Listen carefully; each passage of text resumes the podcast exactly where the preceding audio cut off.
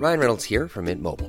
With the price of just about everything going up during inflation, we thought we'd bring our prices down. So to help us, we brought in a reverse auctioneer, which is apparently a thing.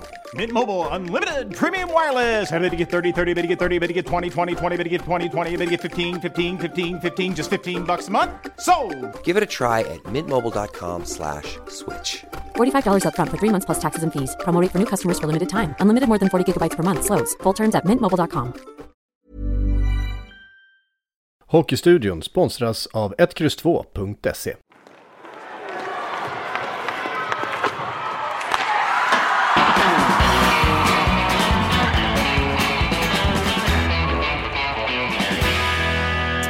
Vi går in på en av de sista hockeyveckorna under 2021 och, och dags att sammanfatta det mest intressanta som har skett förra veckan och blicka framåt lite. Kanske även eh, kika lite vad som sker 2022.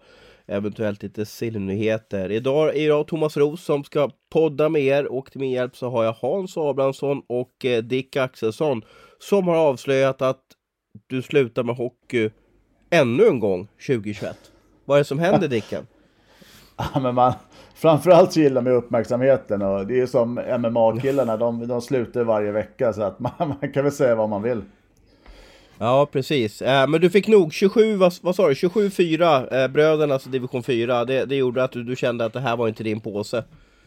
Nej men precis, det blir lite för ojämnt och det tar ju faktiskt tid från det privata livet också. Så att Ja, jag har sagt det blir lite tuffare i all fyran, då kommer jag dyka upp någon match. Men just nu har jag tagit en, eh, en timeout. Just ja, och Abris, eh, du var ute på en så kallad roadtrip, journalist roadtrip. Kan du inte berätta lite om den för våra lyssnare? Jo, men det kan jag väl göra. Jag är inte den som är snål så. Ehm, jag höll till mestadels i Linköping och Jönköping så det var väl eh, en trevlig roadtrip men det var ju inte så väldigt långt då. Men, eh, ner till Jönköping på onsdagen, eh, allsvenskt toppmöte mellan HV och Björklöven.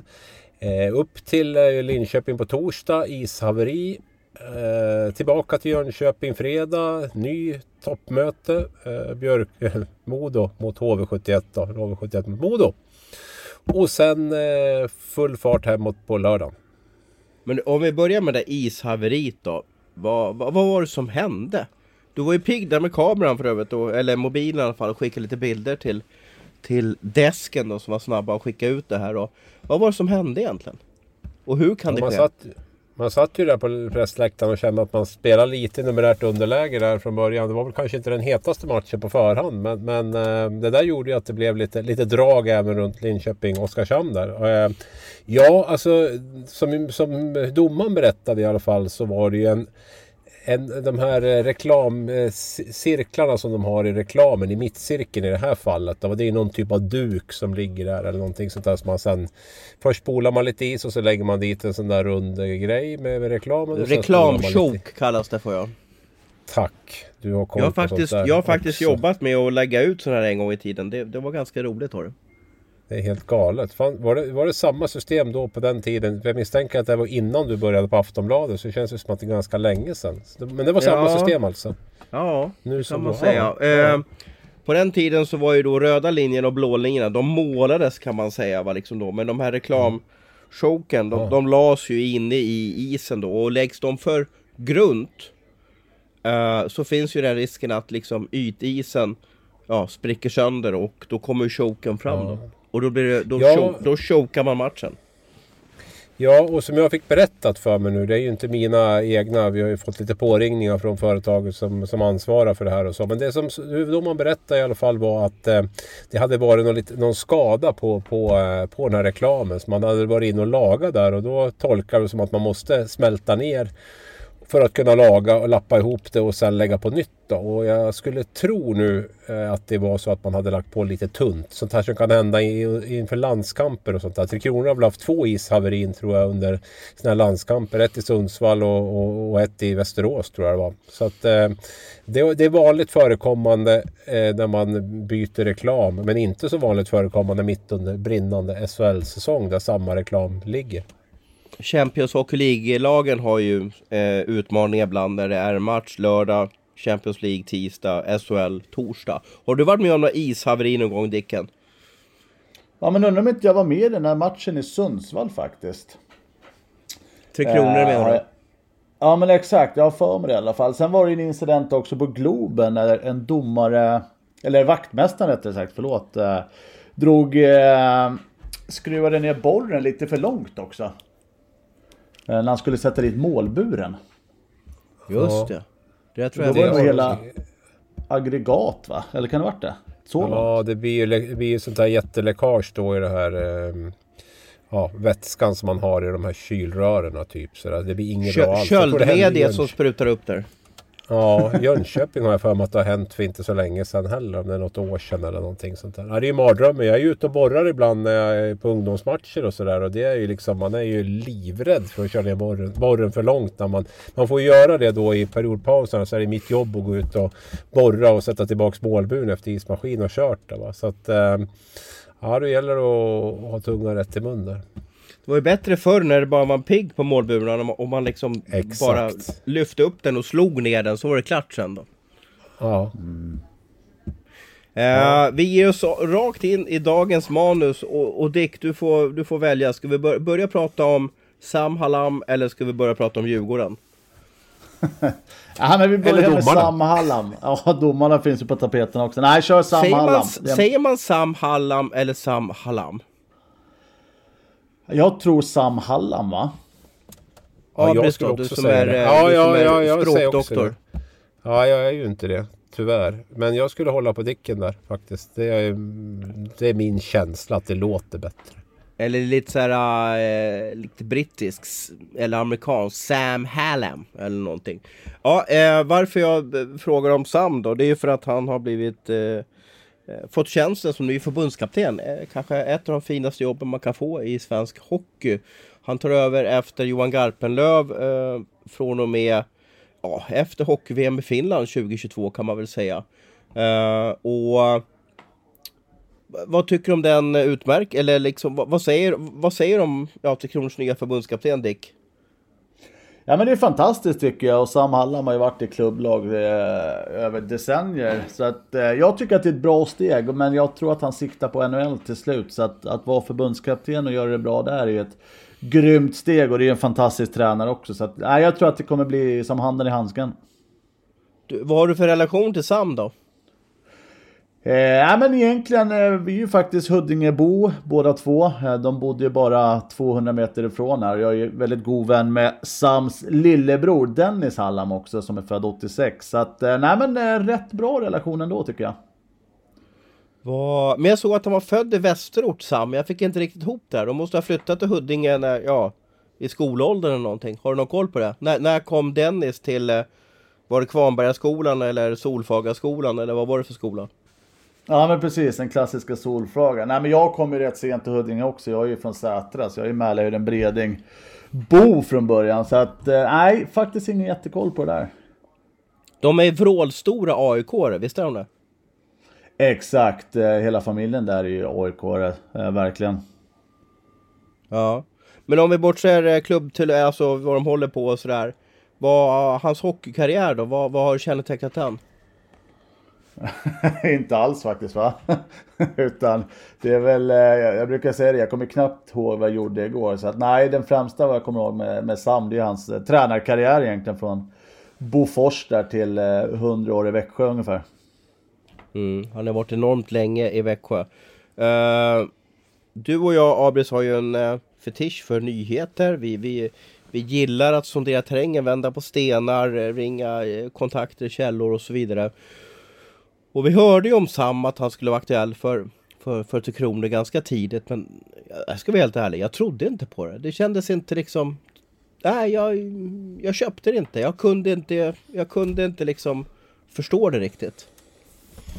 Nej, och det är väl inte något fel i det. Jag menar, han, är väl, han har väl liksom möjligheten att skriva sitt livskontrakt känns det som nu efter liksom tre SM-guld med, med, med Växjö och sådär och kunna skriva antingen i KL eller, eller Schweiz då. Och eh, i och med förbundet också har rekryterats otroligt internt liksom i, jag vet inte vad det är, 10-15 år nu snart. Så att eh, så, så kändes det ju inte, så kändes det lite tveksamt från båda håll egentligen att man skulle gå den vägen. Så att eh, jag har all, all respekt för dina tvivel där. Det var väl först på slutet nu som jag kände att det att det börjar luta åt det hållet. Liksom, att, man, att man ändå eh, ja, hade hittat varann lite grann.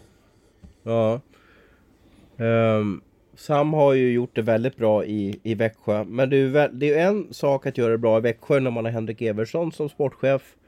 Uh, och general manager som liksom fixar till laget och, och sådär. Men det är en helt annan sak att vara förbundskapten. Ja, alltså jag har ju funderat ganska mycket på den här förbundskaptensrollen de senaste åren egentligen. Fler än det. Det är, det är ett otroligt jag vet inte, chans, chansartat jobb skulle jag vilja säga. Jag skulle nog, om jag var en kontrollmänniska och verkligen kände att jag var duktig när jag får påverka saker och ting så skulle jag ju tveka big time att ta, ta jobbet som förbundskapten. För jag tycker att du bedöms på tre veckor i maj egentligen och då är du egentligen helt beroende också av om du, vilka, vilka NHL-spelare du får loss och till viss del också vilka NHL-spelare motståndarna får loss. Så det känns som att det är så mycket som, eh, som ligger utanför eh, din kontroll för att jag skulle tycka att det var riktigt... Det, det är jäkligt svårt att få en rättvis bedömning. Hur många, hur många olika förbundskaptener har du jobbat under Dick? Om du tar från ja, den första. Vem var den första? Vem, när gjorde du när gjorde du debut i Kronor och vem var, vem var förbundskapten då? Då var det Bengt-Åke Gustafsson. Var det på Bengan-tiderna? Så du ser, ja du har varit med länge. Ja, men det är nog en, en 10-11 år va. Jag tror jag kom upp rätt tidigt faktiskt där och fick chansen. Eh, Bengan var ju typ från 2005 till typ 2011 skulle jag vilja säga då. Nu, nu vill ju inte jag vara en sån här elak jävel och strö salt i sår. Men visst var det under Bengan där som det strulade lite för dig Dick när du skulle vara med i landslaget va? Att det vart någon sån här, något snedsteg och så va? ja, Eller? exakt. Visst var det jo, helt klart. Ja. Exakt. Det var ja. ju en uh, fylleincident och en fylle, fyllecell. uh, var det och, uh, och uh, fick, fick lämna landslaget. Men på den tiden så var det inte ens aktuell eller nära och spelat VM. Men nej, helt klart. Eh, man har varit med om mycket så att säga. Ja. Men då sorry haft, för den. Då har du haft, med, då, då, har du haft eh, jag kommer ihåg när du säger den grejen så kommer jag ihåg. Då har du haft Bengan och du har haft Morts och du har haft eh, Grönborg och sen har du haft eh, har du haft Garpen också? Eller tackade du nej till landslaget efter OS eller hur blev det? Ja exakt, nej jag tackade för mig där efter eh, OS i Pyeongchang. Eh, gjorde jag. Vad, vad, eh, vad vill man ha av en förbundskapten? Ja, men det är ju svårt liksom. Det är ju som du säger, liksom, det är ju inte så mycket tid. Och liksom, till exempel som det var ett OS där, det är tre matcher och sen eh, ett slutspel. Nej, egentligen är det ju bara ett harmoniskt eh, läger och de här Eurohockey tog ju inte Eh, så långa heller. Så att nej, man vill bara ha det härligt, träffa folk, eh, en skön förbundskapten man kan prata med och, och njuta. Och mår man bra spelar man bra. Så att det är liksom, nej, njuta till fullo. Men vilken förbundskapten har du gillat bäst då? Och vilken förbundskapten har du kanske inte gillat bäst? Ja, men det gillat mest måste jag nog ändå säga, det var ju Per Mårts egentligen som, eh, även fast jag fick chansen av Bengt-Åke där tidigt, men Per Mårts är väl den som eh, har gett mig chans på chans. Jag spelade ju nästan bara boxplay och var defensiv på den tiden, men eh, Per Mårts ville ha med mig ändå, så att det är ju därför jag har en 70 plus landskamper, men kanske inte så bra i poängkolumnen. Men nej, Per Mårts måste jag ändå säga har betytt mest. Och minst, det, det är väl liksom, det är väl Grönborg eftersom det var ju knappt, det var ett OS ungefär och lite till. Eh, något VM. Eh, så att, men eh, ja, jag fick väl aldrig du, riktigt chansen i, i landslaget du, tycker jag. Du och Morts har väl ett VM-guld ihop också? Exakt, Globen där 2013. Ja. Men hur, nu kommer vi bort lite från liksom samma men jag har alltid funderat på det. Alltså, du, ju, du var ju en oerhört skicklig SHL-spelare. Uh, ehm, gjorde uh, det väldigt bra de flesta säsongerna i SHL. Men hur känner man då när man är som Dick Axelsson och så ska man spela i Tre Kronor och så vet man att om jag ska spela VM så måste förmodligen ganska många tacka nej från NHL. Hur, hur resonerar man då när man ska spela i Kaila Tournament i november. Hur tänker man? Kan, kan du hjälpa mig med det mindsetet? Ja, men förr i tiden då var det ju också lite prestationbaserat. Eh, kom du med i landslaget så kanske hade någon bonus, så att då var det ju fantastiskt. Men sen är det liksom efter säsongen. Eh, du kanske är lite på, eh, på halv sådär. Eh, du ska gnugga i sex veckor och sen kommer alla NHL-spelare. Eh, men visst, är man ung och på väg uppåt i karriären, då måste man liksom tacka ja. Men sen när man kommer till en liten äldre eh, punkt i livet så eh, då inser man ganska fort att vill man det här eller inte. Så att på slutet blev det ju att man, eh, man tackade nej. Man vill inte vara med och gnugga i, i sex veckor och sen kommer alla NHL-spelare och tar ens plats. Så att det finns ju roligare saker att göra. Mm, mm. Tillbaka till Sam då, Abris då. Hur, hur tror han kommer lyckas? Du var inne där på Twitter, såg jag att eh, det handlar om hur han lyckas smörja NHL-killarna. Och tror du NHL-killarna har koll på vem han är? Alltså de har ju säkert koll på Grönborg eftersom Grönborg har varit på JVM och i JVM så slussas ju NHL-killarna liksom igenom och Garpenlöv är ju en, ja, snudd på NHL-legendar då. Eh, men, men med där, vet Landeskog vem Sam Hallam är? Nej, alltså går det på de här som har varit där borta 10, 12, 15 år då, då, då har de väl kanske inte superkoll även om de vet vem man är. Men de allra flesta som spelar där borta har ju, har ju spelat i SHL under, under Hallams tid. Så att det är klart att de har, har koll på honom och framförallt så kommer de väl att lära känna honom bättre nu när, när han kommer att göra sina resor över dit utgår jag ifrån och, eh, och, och träffar dem och, och, sådär. Så att eh, sen är det ju inte bara att man måste smörja dem, de måste ju vara lediga också. Det, det är ju inte bara det. Du, alltså, spelar de skadefria. så spelar det ingen roll om de eh, älskar dig över allt annat och vill spela för det. Så, ja, skadefria och där. Sen finns det ju en annan aspekt i det här också som jag tänkte ta upp och det är väl det här våran trogna lyssnare Thomas Söderman var ju diskuterade det med mig lite grann och det är det här med hur viktigt är det med eh, bortom resultaten, hur viktigt det är att ha en, en ambassadör för svensk ishockey i en förbundskapten? Eh, hur viktig är den biten egentligen? Och jag har väl landat lite grann att resultaten styr otroligt mycket. Absolut, det är jätteviktigt att ha en, en bra representant för som, som är kommunikativ och, och, och vältalig och sådär. Så men men alltså, jag, jag landar i att är inte resultaten bra så kommer det inte att bli bra, bra ändå. För att eh, det är ändå det som, det som talar till sist. Jag menar åker Hallam runt och vinner Eurohockeytour-turneringar och, eh, och, och, och, är kommunikativ och, och verbal och sådär. Så, så jag, jag, tror inte att det räcker liksom. Utan jag tror att det, jag tror resultaten är jätteviktiga och eh, hoppas verkligen att han eh, får resultat där. Sen går det ju att göra. Det går absolut att göra Eh, är man en duktig coach eller en duktig ledare så är det klart att det går ju att, eh, att göra starka lag av fast man inte har alla de bästa med. Så det är klart man ska inte underskatta den biten heller. Men men just VM tycker jag var det ganska typiskt att eh, bästa NHL-proffsen vinner. Mm. Och det är det jag menar, det är ganska liksom svårt uppdrag eh, det där. Men eh, vi får hoppas att han får alla verktygen av eh, Hockeyförbundet och, och, och det handlar ju om att han ska åka över och bygga relationer med NHL-proffsen. Hur viktigt är det tror du Dick? Alltså eh, Garpenlöv och Grönborg och Morts, de är ju över två, tre gånger per år och försöker träffa NHL-killarna i, i korridoren efter matcherna. Spelar sånt där roll egentligen? Eller vad, vad, vad, vad beror det på om man som NHL-spelare väljer att spela VM eller inte? Är, är det om det är ett coolt land eller om det, man vet om att det blir ett bra lag, då hänger jag på. Eller vad, du som ändå känner de här, de här killarna, vad, vad hänger det på?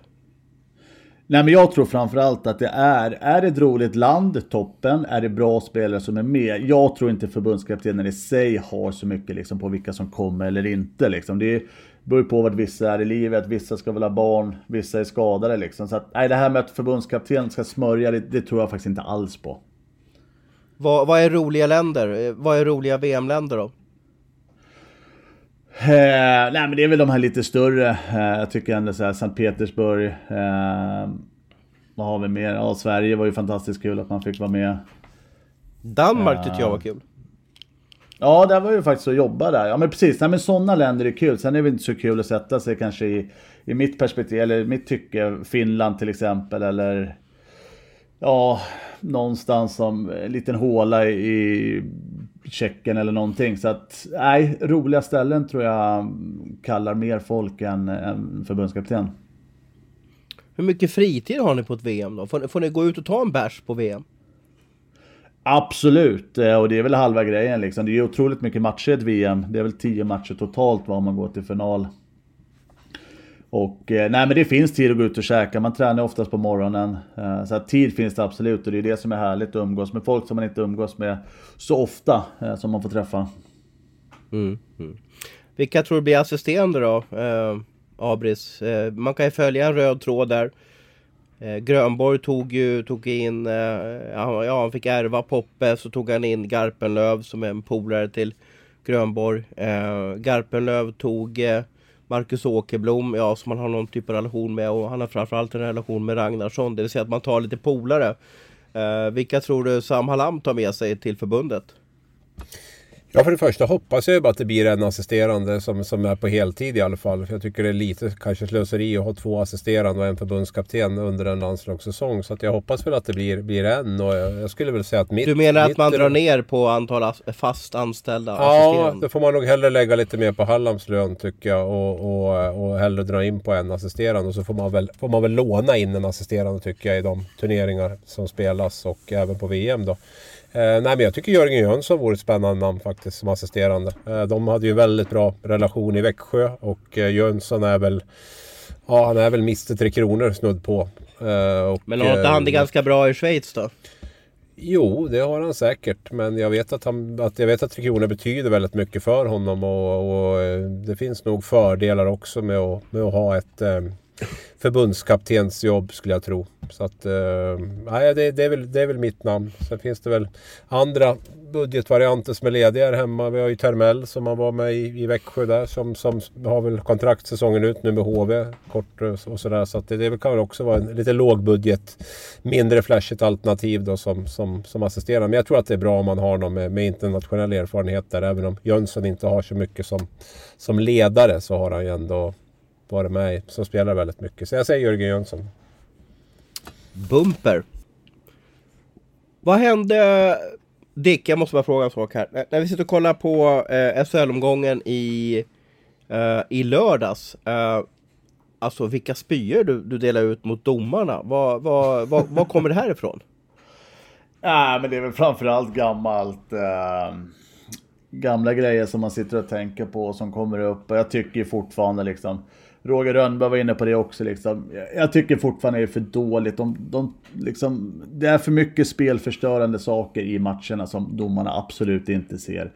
Och det känns som mer och mer att de fokuserar på att ta abuse eller liksom något slagsmål. Eh, något gruft. Båda åker ut och kvittar. Och, Ja, jag, tyck, jag tycker det är för dåligt bara. Eh, och det Jag kanske... kan väl läsa lite vad du, vad du skrev här så kan vi eh, babbla lite om det. Kollat på de flesta matcherna kväll och att säga att vi ligger i framkant med domarna i SHL är en ren och skär jävla lögn. Jag har sagt det förut och har samma åsikt fortfarande. Ni är helt klappkassa. Att domare som Sören och Harne- Harnebring får fortsätta tjänstefel. Tack Twitter. Uh, experter, helt allvarligt. Är domarna dåliga? Säg det. Är de bra? Hylla dem. Ni sitter i sändningar och kritiserar spelarna om alla möjliga situationer. Varför vågar ni inte kritisera när domarna gör fel? Är de heliga kor, domarna, tycker, tycker du Dick?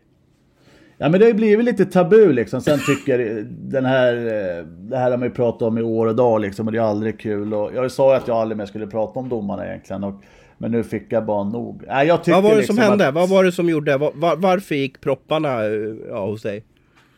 Nej men det är väl framförallt, jag tänkte liksom bara egentligen tillbaks när jag spelade och liksom, jag fick utvisningar. Så fort jag öppnade munnen ibland så fick jag en utvisning bara för att till exempel Sören Persson, jag en incident i Jönköping när jag säger Sören det här är inte militären, du kan fortfarande prata med folk. Kommer ut till andra perioden, har en två minuters utvisning. Uh, Och det var bara, det var bara en sån här kväll uh, när man äntligen kommer på saker när man är ganska glömsk. Uh, så att nej, jag tyckte det kändes bra att få ut det i alla fall. Och bakgrunden till din, ditt stick där, det är väl att Sören Persson är en för detta militär. Visst, det, visst har jag korrekt info då? Ja, ryktena går ju så att jag tror det. Det kändes så i alla fall när han tog en tvåa på mig. Ja. ja. Ehm, vad säger du Abris om vi bollar in dig här? Vad- håller du med Dick eller tycker du att han är för tuff mot domarna? Och vilken kritik ska domarna få och inte få? Ja, vi börjar med det sista så tycker jag väl att alltså, det är klart att man ska kunna dela ut kritik till domarna. Det som har blivit problemet lite nu är väl alltså de här dreven som är på sociala medier och där domarna ofta hamnar i fokus bland jävligt förbannade fans. Det gör väl att både du och jag och säkert Dick också i många fall är försiktig med att kritisera domare för att det, tar, det får sådana proportioner när man väl gör det. Så att det blir svårt att, att ha en saklig debatt för att det liksom bara eldar på ett ett drev som finns där som kanske inte jag tycker är speciellt sunt. Så det, det gör väl också att man är lite försiktigare med, med att kritisera domare än, än, än, spelare. Även om jag vet att det också kan vara jäkligt tufft. Eh, drevet är väldigt tufft mot spelare också på, på, på sociala medier. Så det, det, kan ju gå åt det hållet också. Att vi börjar dra oss för att kritisera spelare mer för att, för att det eldar på en, en eh, ja, en rätt sunkig kultur som, som finns där ute. Eh, det var väl det första. Sen, sen känner jag väl lite grann med jag vet inte. hur bra är SHL då liksom? Jag har sett till domarna. Jag vet inte. Vi är väl kanske fjärde, femte bästa liga i, världen. Och vi kanske har de fjärde, femte bästa domarna i världen. Jag vet inte vad vi ska göra liksom. Vi, vi kan ju inte köpa in 20 NHL-domare. Utan vi har ju de vi har. Sen är det ju lättare. Lag tränar ju liksom dagligen. Man, man kan följa träningarna. Man kan, man kan se vad de jobbar med. Man kan ställa tränarna till svars. Eller spelarna till svars. Vi vet ju inte hur domarna jobbar. Kan man göra mycket annat för att bli bättre? Det skulle man ju kanske vilja veta. Hur, hur, liksom, hur, hur ofta samlas man och jobbar med, med, med hur man ska bli bättre under somrarna? Hur, hur, hur är feedbacken under säsong? Eh, alltså det, det är det som gör att det blir ett hemlighetsmakeri runt det där i och med att det inte är offentligt. Allt som spelare och tränare gör får de ju stå till svars för och, de, och vi kan även granska dem i, i vardagen med, med hur, de, hur de tränar och, och, och så. Va? Så att eh, där är väl en problematik. Jag har aldrig spelat i elitserien, jag har aldrig spelat i SHL. Eh, jag har bara en känsla av att domarna back in the days, jag menar Sven-Erik Sold, Dag, eh, Dag Olsson, eh, Kjell Lind. Um, vilka mer domarklassiker har vi Abris? Hjälp mig med namedropping. Christ, Christer, Karl, Christer Karlsson, Robert Lahti. Jag kommer inte ihåg vilka du sa. Då har du väl, vad heter han, Rådbjer. Ja, men det jag försöker komma till att de här... Börje Johansson. Börje Johansson. Uh, Roger Öberg, eller hur? Ja, Skällebad. Ja, ja. Eller Själebad. Uh, för, först kunde man ju alltid vilken stad de kom ifrån. Man kunde också nästan mm. vilken titel de hade. Uh, antingen så var de uh, Antingen så var de försäkringsförsäljare eller så var de, ja, något annat i alla fall. Men det, det jag försöker komma till är att jag tyckte att kanske att Idag hör man från de flesta spelarna att domarna inte tar en kommunikation. Det blir bara en information från domarna. Och att förr så kunde liksom nästan domaren lägga armen runt en spelare och säga ah, men jag gjorde fel, förlåt, vi, vi drar vidare. Uh, vad säger du om den bilden som jag har Dick? Ja men så är det absolut och det är också, jag måste även poängtera att det finns ju många bra domare också. Eh, och just det där med kommunikationen är ju otroligt viktigt för att det blir ju bara en monolog och så blir det ett hot om en, eh, om en två minuter. Eh, och om man kollar liksom, om man kollar på NHL, där är det rätt roliga klipp när domarna säger F-ordet till spelarna. Eh, liksom så fort spelarna gnäller på domaren, då får de ju höra tillbaks. Och så var det ju på den gamla goda tiden. Jag kommer ihåg Kuben och och gänget eh, tjafsade tillbaks liksom. Då, då, då fick man ju tunghäfta istället, då sa man ingenting. Nej. Nej. Som jag har förstått det så vill de inte kommunicera eller diskutera för att det tar aldrig slut. Hänger du med? Skulle de öppna upp för att börja prata så det enda domarna skulle behöva göra under hela matcherna det är att åka och babbla med spelare och de vill ju döma matcher. De är kanske inte där för att diskutera vad det ska vara för sockerkakerecept eller sådär. Det har jag förstått kan vara en problematik. Tror du att det blir så Dick om man, om man då börjar prata mycket med spelarna, bjuder in, försöker vara sköna. Att det blir bara en djävulsk diskussion hela matcherna?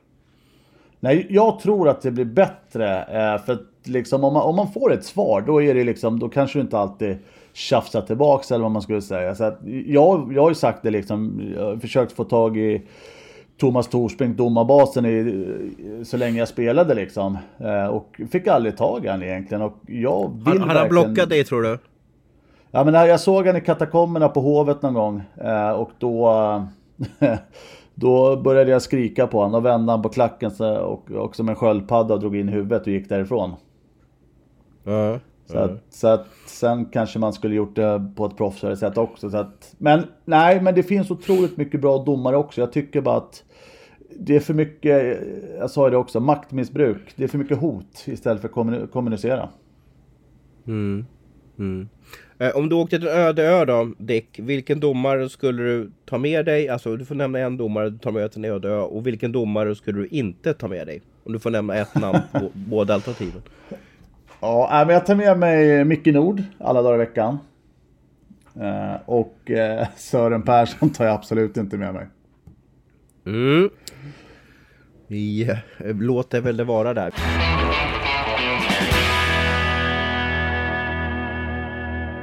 Hockeystudion är den här veckan sponsrade utav 1X2.se, speltips och reksajten. Eh, med mig har jag Andreas Nord, spelexpert. Vad har du för oss idag?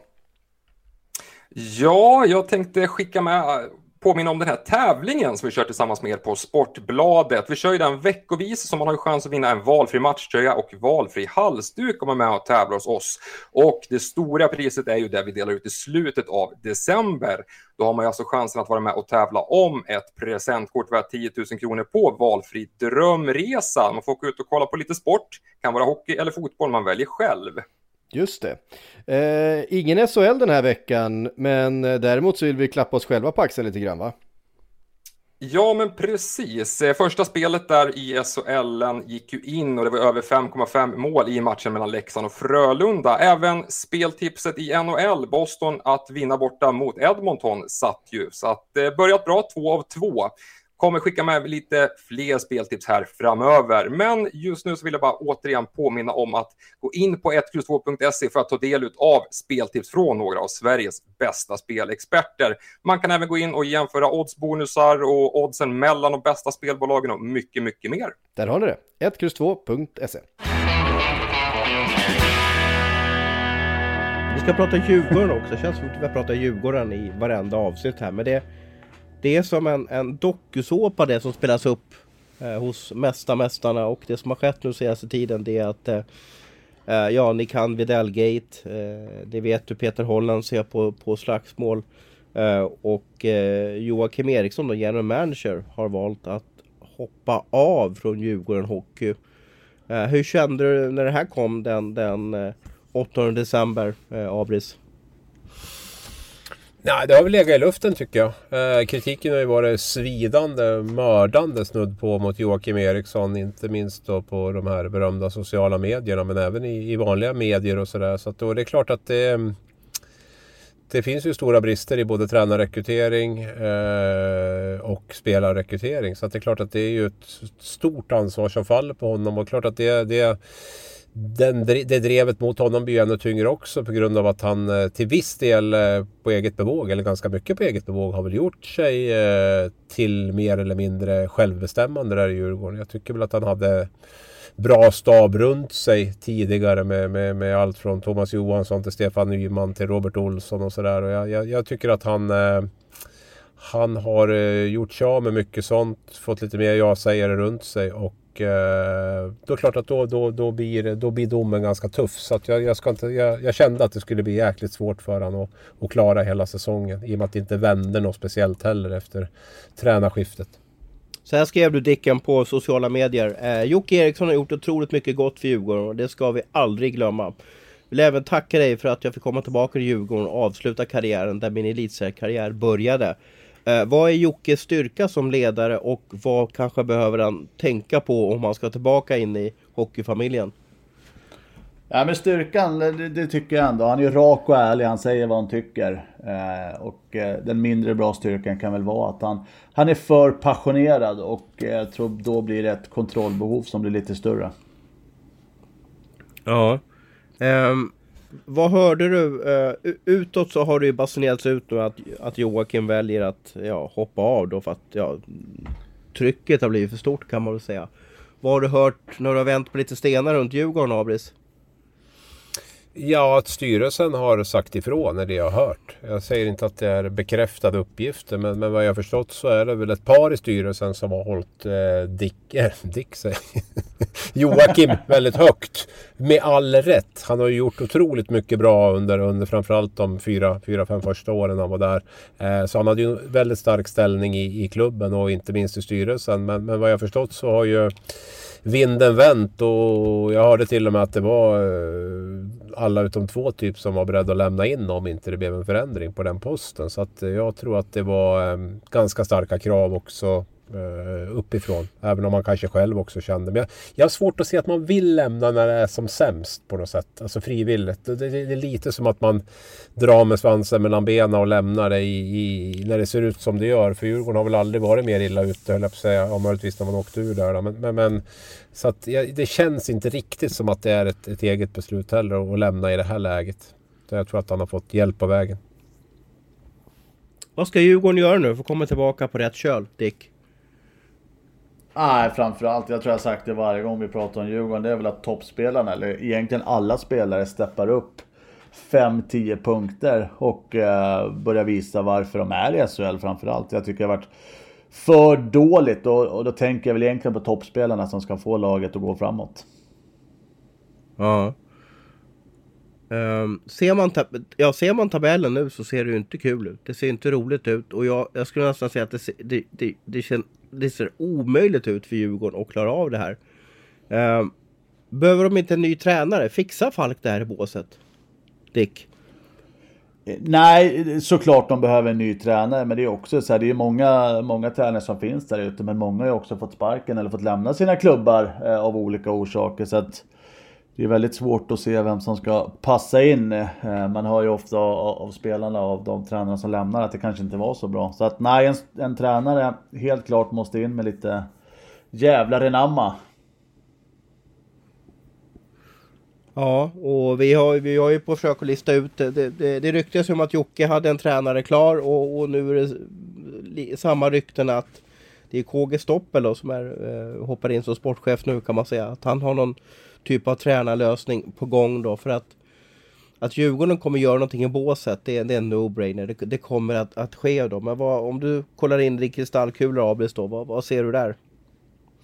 Alltså det jag kan säga att jag vet är ju att Joakim Eriksson har varit ute minst två namn i alla fall som man har fått nej ifrån. Och det är ju inte namn med Djurgårdsanknytning, någon av dem egentligen. Ehm, det kan ha legat honom i fatet att han inte lyckades lösa tränarfrågan. Plus det här kanske med Pontus Åberg också, att det har varit liksom lite utlösande faktorer att han gick till Timbro istället.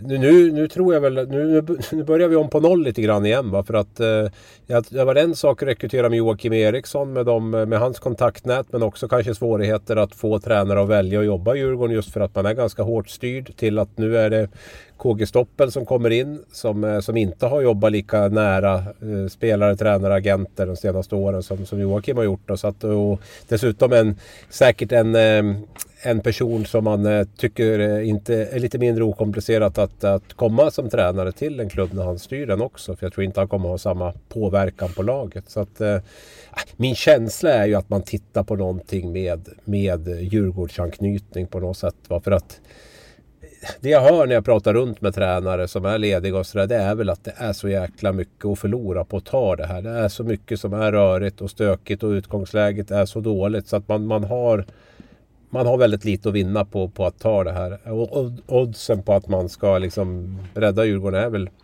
upplever man inte så stora. Jag tror, jag tror man måste ta någon, någon, någon som är i slutet på, på karriären som, som ändå som inte har så mycket att förlora karriärsmässigt på att ta det. Och det jag tror jag. Jag vet inte. Men jag, för mig, en sån som Hans Särkijärvi, nu har han blivit äldre, jag vet det. Men, men det är ju en otroligt respekterad person i Djurgården. En otroligt respekterad människa i stort. Som, som eh, ja, kanske inte den vassaste taktiken i SHL, inte den modernaste coachen. Men ja, med, med de namn som finns så, eh, så tror jag att han eh, skulle kunna vara en frågare i alla fall. Sen vet jag inte om han är så sugen. Han har det bra på Gotland där.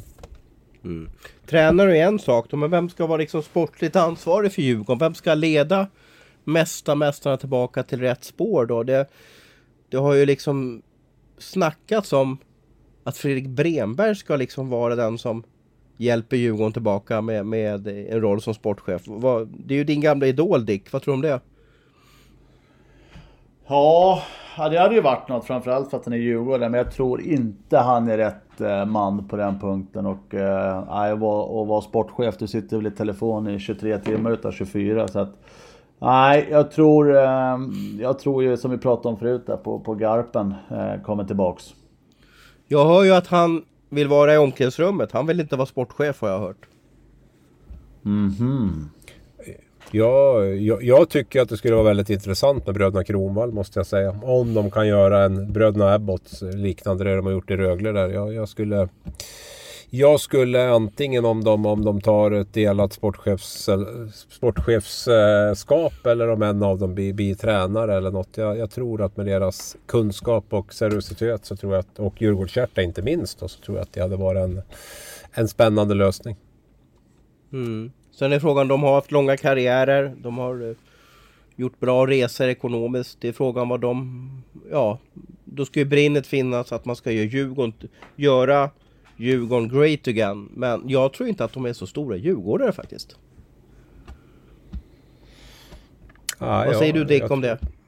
Nej, jag vet faktiskt inte. Det enda jag vet är ju att eh, Staffan Kronvall brinner för ishockey. Jag träffade honom även på en Eh, när grabbarna hade match och liksom man sitter där i Simor och, och pratar hockey. Så att, nej, det hade ju faktiskt varit fantastiskt och jag skulle nog vilja se han där faktiskt. Jag gillar verkligen tanken från, eh, från Abris. Men ni vet att Djurgården kickade eh, Staffan, de skickade väl honom till Brynäs en gång i tiden?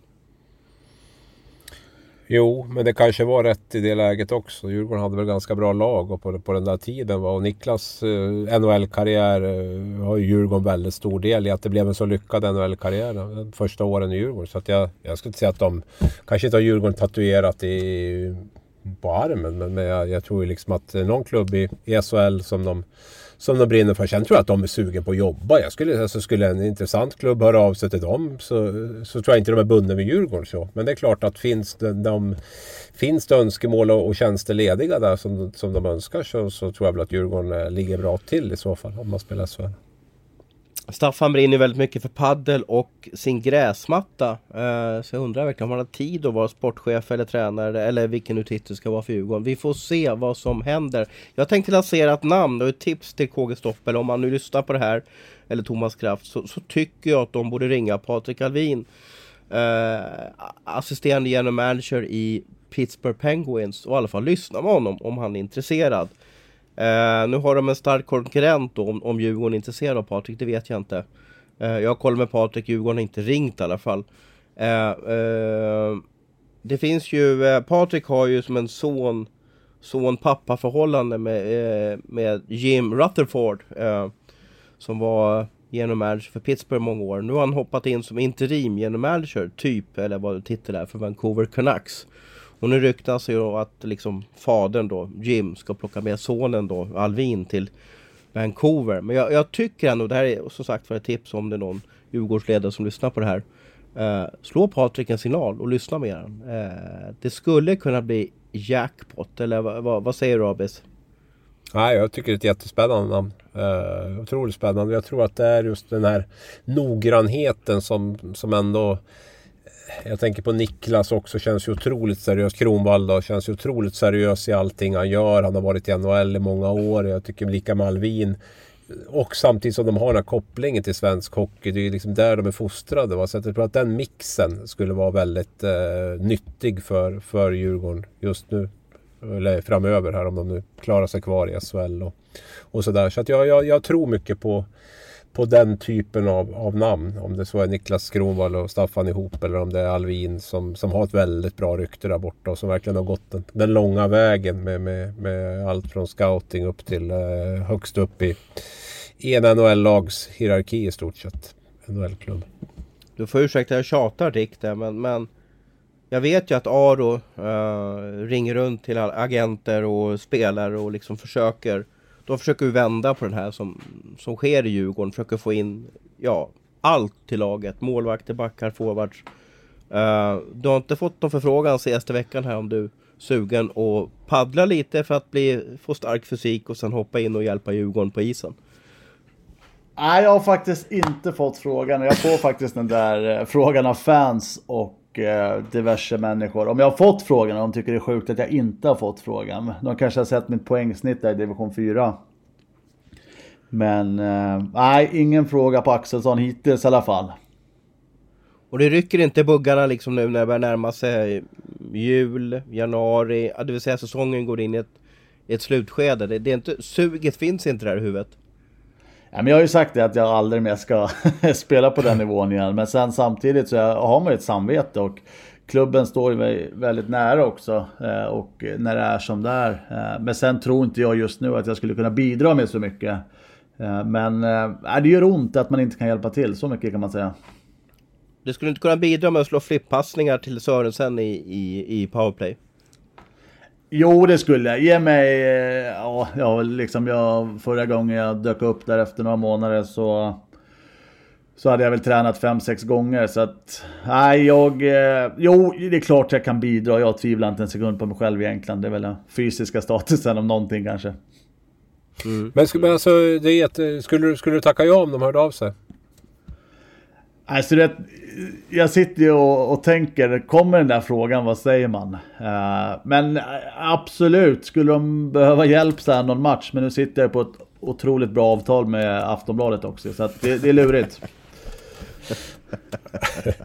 ja, vi ja, gillar ju att hjälpa folk framåt i karriären. Vi har ju slussat ut en del, en del tidigare, så att vi ska nog kunna lösa det. Exakt. Ja. Nej, så att, äh, får jag frågan då, då kommer jag bli nervös. Så mycket kan jag säga. Hur gör man då om man får en förfrågan? Hur lång betänketid tar man? Och hur gör man som i ditt fall? Låser man in sig i ett rum med, med, med, med frugan och bästa polaren och så diskuterar man där. Så när man kommer ut från rummet då har man bestämt sig. Eller hur gör man när man, när man får ett erbjudande och när man ska liksom välja om man ska tacka ja eller nej till det?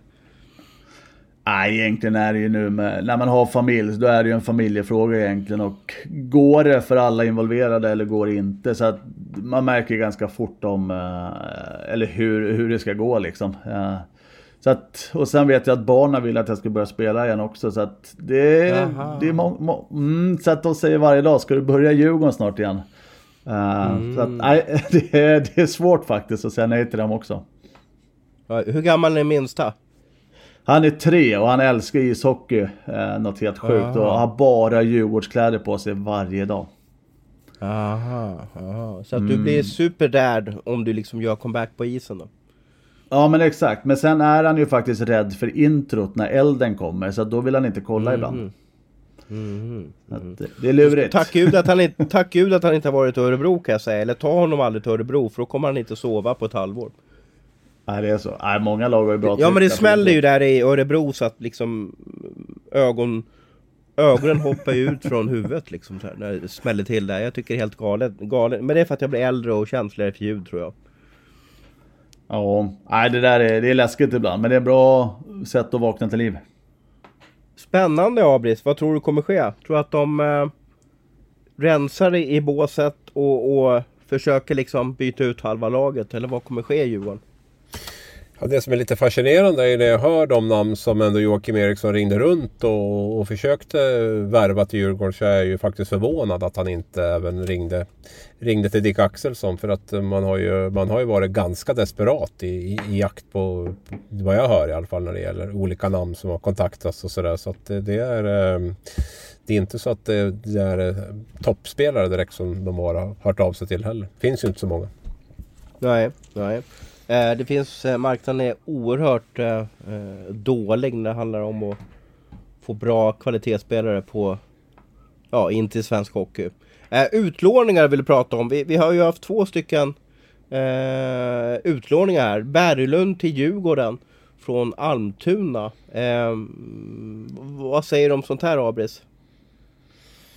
Nej, men jag reagerade ju ganska starkt när Mora lånade ut sin lagkapten till Leksand. Vi pratade ju om det då också. Att det är klart att det finns ju alltid 90% av alla utlåningar är ju okej okay, allsvenskan. Man kanske kan låta 5, 6, 7, 8 namn vara de här riktiga eh, frontfigurerna för, för klubbar som har, väl, som har väldigt starka rivaliteter kanske man kan undvika. Nu är väl varken Berglund eller Filip Hasa eh, några sådana där supernamn eh, som eh, sår då. Men jag, jag, det är något som gör lite ont i mig ändå faktiskt tycker jag. Emil Berg lånas ut två matcher till Djurgården, absolut. Han tycker det är hans dröm att spela. Samtidigt så spelar han inte då Almtunas eh, nyckelmatch mot Södertälje borta som han nu ändå vann. Jag förstår ju Almtunas poäng i det. Jag menar, de, de hoppas ju att Berglund ska liksom gå lite på mål och vara väldigt tacksam mot klubben resten av säsongen för att de, han fick göra de här två matcherna med, med, med Djurgården där. Och Almtuna är ju en klubb som väldigt få bryr sig om egentligen om man ska vara helt ärlig. Och eh, lever väl lite för dagen också sådär. Har inga ambitioner egentligen med, med att ta sig uppåt eller någonting. Så det kanske det menar jag att det gör det lite svårare att bli, bli sådär upprörd som jag blev över Mora-Leksand. Um, tycker också liksom med Hasa där, jag vet inte, jag kan tycka att man eh, bör kunna använda juniorbackar faktiskt i det fallet också. Ja, det, det, blir lite, det blir lite, vad heter det, alltså um, lite förnedrande mot Hockeyallsvenskan på något sätt. Jag tror man måste bestämma sig lite grann. I så fall hellre köra längre utlåningar, det är riktiga utlåningar. Men det här korttidsgrejerna, det, det, får jag ingen puls alls av faktiskt. Jag tycker det, är, jag tycker det sänker eh, statusen för, för Hockeyallsvenskan rejält. Mm. Eh, apropå Almtuna då så, så hade jag någon sms-konversation eh, med Tony Mårtensson. Eh, han är väl sportchef i Almtuna. Och jag vet inte om jag tipsade honom om eller hur det var riktigt där men jag, jag, jag nämnde väl för honom att Ja varför ska ni inte testa den här Jesper Eliasson då? Eh, och sådär. Eh, och så fyllde jag år eh, här, häromdagen och då skickade han en grattis sms. Och så skrev han så här, ja och tack för hjälpen med, med, med, Jesper Eliasson. Då tror jag faktiskt, om jag ska vara helt rätt, jag tror knappt han har vunnit en match med Almtuna på hela säsongen och har ett målsnitt på eh, Han har ett målsnitt på eh, 4,43 insläppta eh, mål den här säsongen. Och han har stått nio matcher och inte vunnit en enda. Så att mitt målvaktsöga Abris måste förbättras. Ja, eller också är det Almtunas försvarsspel som inte räckte till. Nej, det är jättetufft där Eliasson. Han varit väl eh, skickad till eh, typ Wings eller något sånt där. Division, någon division 1-klubb tror jag var från Väsby, ja, precis. Väsby. Väsby var det kanske. Ja, men du ser. Tack för att du hjälpte mig. Uh, ja, nej, så det, det, får du nog inget plus på. Men, Men vad säger du om utlåningar ja. då, Dicken då? Alltså, vad, vi, ja. vi bollar in det här. Vad, är det så farligt eller varför skriker fansen direkt när det blir en utlåning? Nej, men det är väl framförallt jättekul för spelarna i sig att ta klivet. Det är otroligt många spelare i Allsvenskan som kan ta det steget också upp i SHL. Så mycket skiljer det inte. Eh, sen är det ju liksom, det enda jag poängterade, det var ju som Abis var inne på, det är ju eh, Mora-Leksand där faktiskt, den utlåningen med rivaliteten. Eh, annars tycker jag det är ja, men kul för spelarna. Mm, mm. Känns som att fansen kanske inte riktigt mogna för det här. Vi får se. Jag har förstått att det är eventuellt ett nytt avtal på gång här mellan SHL och eh, Hockeyallsvenskan som regle kan reglera över eh, eller låningar och eller utlåningar och inlåningar och även då någon typ av transfers eh, mellan säsongerna. Idag kan ju SHL plocka vem de vill från Hockeyallsvenskan till ett visst datum mot en, mot en viss ersättning. Oavsett om det är tioårskontrakt som, som ligger. Eh, så, så är det ju lite NHL, AHL-vibbar på SHL och Hockeyallsvenskan. Och det här vill ju inte många supportrar till de Hockeyallsvenska lagen. De vill ju att Hockeyallsvenska lag, Hockeyallsvenskan ska vara en stark liga där man inte en dag spelar för ett lag och en annan dag spelar för ett annat lag. Utan man vill ha en egen identitet. Så att vi får se där hur sportchef Ryman eh, eh och eh, VD Monidell lyckas lösa det här. Eh, det kommer bli en förhandling mot, mot SHL. vad, vad, tycker du AB? Ska vi fortsätta med det här att, att det blir mer utlåningar eller vad ska vi göra? Nej, frågar du mig så tycker jag inte det. Jag, jag, gillar ju den här rivaliteten som är eh, ändå mellan, mellan ligorna och att det är lite en del av det svenska, svenska systemet. Att vi inte har rak, en rak farmarliga under. Sen förstår jag också. Jag förstår, jag förstår klubbar, jag förstår spelare och, och allt vad det är också. Jag förstår den sidan. Men, men, men frågar du mig så tycker jag inte att det är något som, eh, som tillför sådär jättemycket om jag ska vara helt ärlig. Det är inte så att jag liksom får pirr i magen när de här utlåningarna kommer utan snarare tvärtom så får jag lite ont i magen istället och tycker att det, att det inte blir så lyckat. Jag tycker de här lite grann det här slit och släng-grejen att man lånar in Erik Norin en match när man ska möta Frölunda. Nu vart det inte av. Man, man tar Moras lagkapten. Man, man lånar Berglund i två matcher och han står över den matchen han ska spela med Almtuna. Liksom, nej, jag vet inte. Jag tycker det är lite, lite stillöst faktiskt de, de grejer man gör. Jag tycker man kan sköta det lite, lite snyggare faktiskt om jag ska vara ärlig. Ja, ja. Eh, uh, SHL har juluppehåll. Vad säger man som hockeyspelare om juluppehåll, uh, Dick? Alltså vill man, vill man köra den här veckan fram till jul eller är det skönt att gå liksom och, och ägna sig lite åt familjen? Ja men både och. Eh, jag hade gärna gjort tvärtom där, att man tar ledigt i mellandagarna. Men då vet man att det är fullsatt i varenda arena också. Och här Channel One Cup ligger nu här. Och men sen är det ju fantastiskt tråkigt. Det är en träningsvecka, två pass per dag, åka skridskor tills man eh, grinar och blöder. Uh, så att uh, jag hade gärna skippat det här Channel One-breaket uh, och spelat vidare. Uh, det blir krystat ibland, ibland kastar de in matcher lite hit och dit. Men nej, spela tills, tills jul. Juljumske, vad är det för något?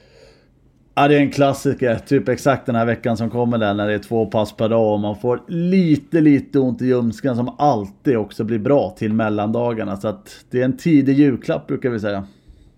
Det sägs att Fredrik Bremberg alltid liksom fick en julljumske. Ja, han var expert på det där faktiskt. Och, eh, men var man så bra som Bremberg då fick man ju faktiskt ta den också. Det var värre för oss arbetare underifrån. Mm. Mm. Jag, eh, jag tog faktiskt fram en tabell här lite snabbt över eh, från novemberuppehållet och fram till det här uppehållet. Jag tittar lite grann hur lagen har skötts och sådär. Vi har inte pratat någonting om SHL hittills i programmet tror jag. Så att, eh, eh, vet, ni vilken, vet ni vilket lag som har varit formstarkast sedan novemberuppehållet och fram till nu i poängsnitt? Oj. Nu satte jag dit där. Ja, det är alltså, Rögle, Rögle måste, Rögle, alltså det ja. som har hänt i tabellen det är ju att det blivit jämnare. Uh, Rögle har ju befälet nu över SHL, men uh, jag kan väl gissa att ett lag som Oskarshamn måste ligga hyfsat till. Dicken?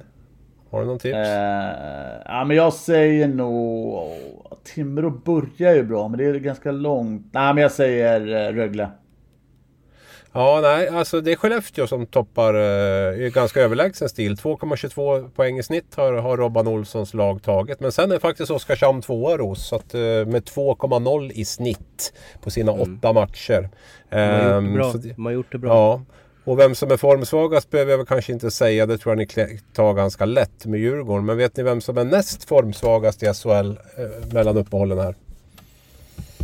Säger Malmö eller Leksand? Taskigt det där. Ja du jävlar, du kan din hockeyros. Vem av dem tror du Dicken? Malmö eller Leksand? En av dem är det.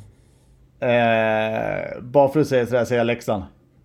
Jajamän, ni är duktiga. Vilka proffs jag jobbar med. Leksand har snittat en poäng på, på nio, nio, sina nio matcher. Så att de är tillsammans med Djurgården formsvagast i, i serien. Det var jag ganska taskig med och ställde sådana frågor. Men, men är det inte ganska jämnt då? Är det inte det? Alltså, eller, eller är det sticker ut lite i din formtabell där? Ja, Djurgården sticker ut definitivt negativt. 0,44 poäng på nio matcher. Mm. De är ju överlägset. Och, och Skellefteå ganska... Eh, ganska... Ja, 2,22 då. Oskarshamn 2,0. Sen kommer lite Luleå, lite Färjestad och sen kommer Rögle på 1,67 i snitt. Så att... Eh, ja. De hade en bra buffert där Rögle innan och samtidigt har inte de värsta konkurrenterna som Frölunda heller gått så bra. Frölunda har bara 1,22 i snitt på de här nio matcherna. Mm. Mm. Mm.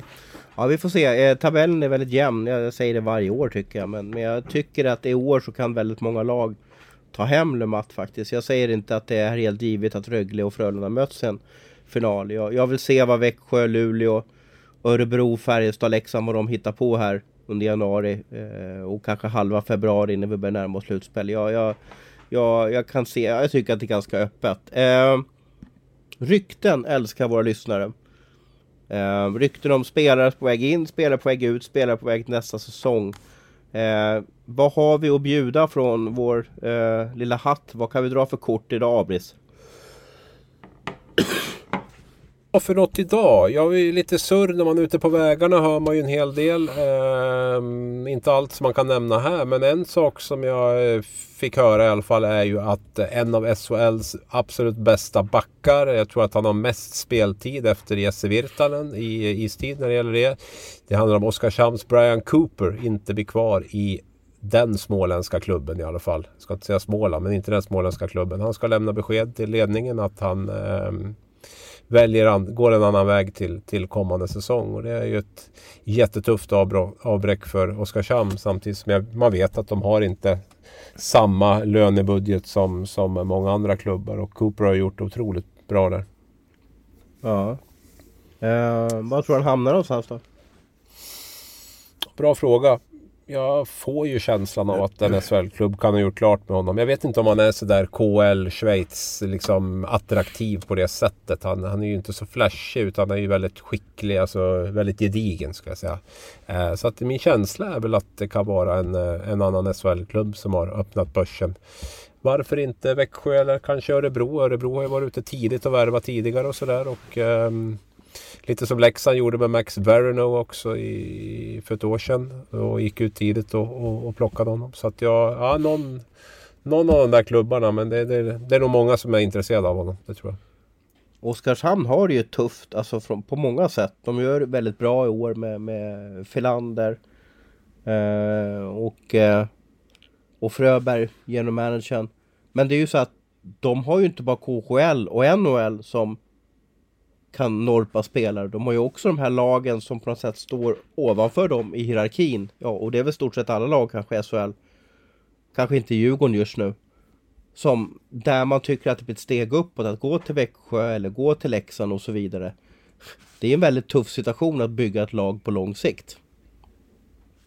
Ja, nej, och deras, deras issue är ju lite grann att de har ju, de har ju en liten arena. De har inga speciella sponsorutrymmen och det gör ju också att, att deras eh, intäkter blir ju så mycket mindre. Så att de, de kan ju inte vara med på de här 250, 300, till och med 350 000 eh, kronors lönerna i månaden. Så, så, så är det ju. Det, det är för tufft liksom. Och då, då kan man hitta andra vägar och eh, fynda på annat sätt, vilket de har gjort otroligt bra. Men jag tror att de, de har tufft att, att vara med på de absoluta topplönerna.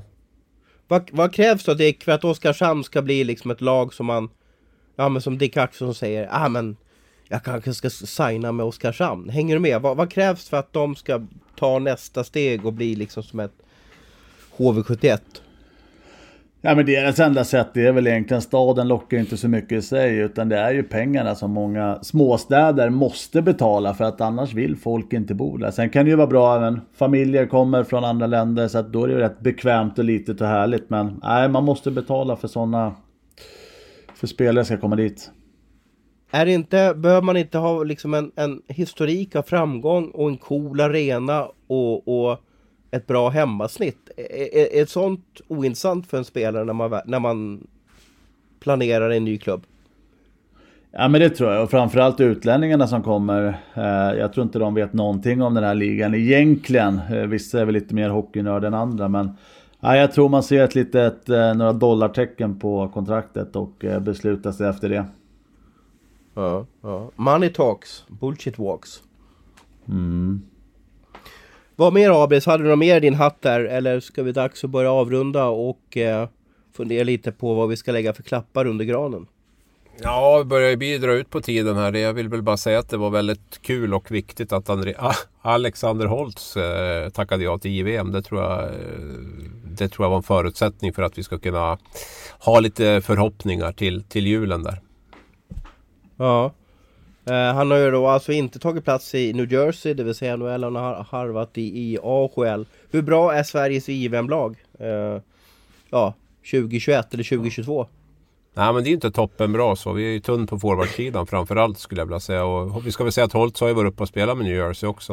En handfull matcher. Så att han har inte bara harvat. Men, men eh, Nej, men det, vi, vi, är lite tunna framåt. Så, så enkelt är det och därför blir det ju jätteviktigt. Jag tror för en sån som William Ekland också så betyder det jättemycket att Holtz kommer in. Jag tror att han tycker det är mycket roligare att åka till Edmonton nu än om inte Holtz hade varit med.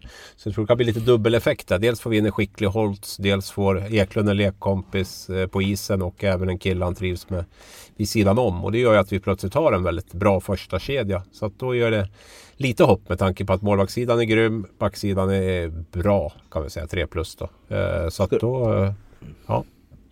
Du är ju vår JVM-expert. Eh, ska du bevaka JVM i år eller, eller tar du julledigt?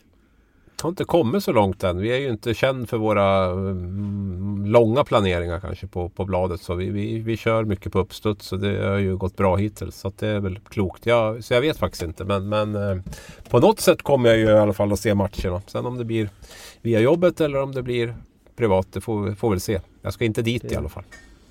Det är en klassiker. Det är ju, eh, det är ju nästan lika viktigt som Kalle på julafton att kolla på de här eh, juniormatcherna. Speciellt på nyårsafton, då brukar det vara så här starttid 21.00. Det är perfekt när man kan gå ifrån middagsbordet och gå och sätta sig och kolla på hockey och, och, och softa lite innan det är dags att skjuta raketer där vid midnatt.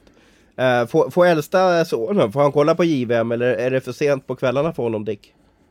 Nej, han kommer nog kolla. Men han är inte så intresserad av att kolla på, um, på hockey. Han vill mest spela faktiskt. Men jag hade gärna sett att alla spelare som har åldern inne, oavsett om det är ordinarie i NHL eller inte, spelar JVM. För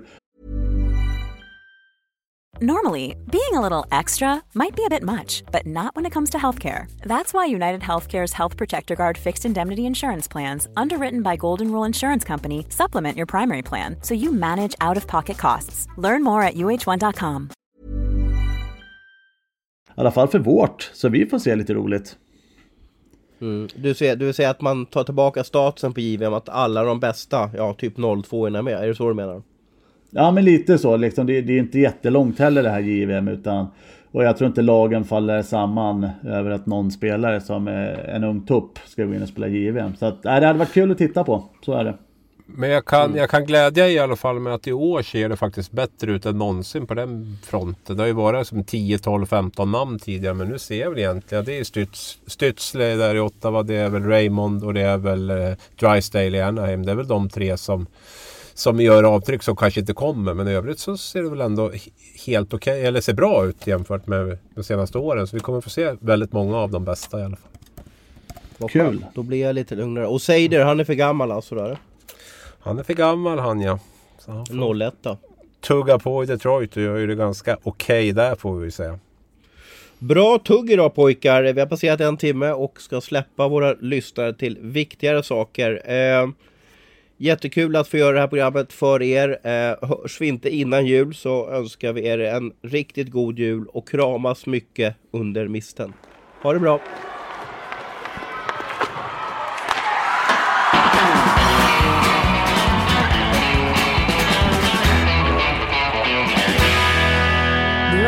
En podcast från Aftonbladet. Ansvarig utgivare är Lena K Samuelsson.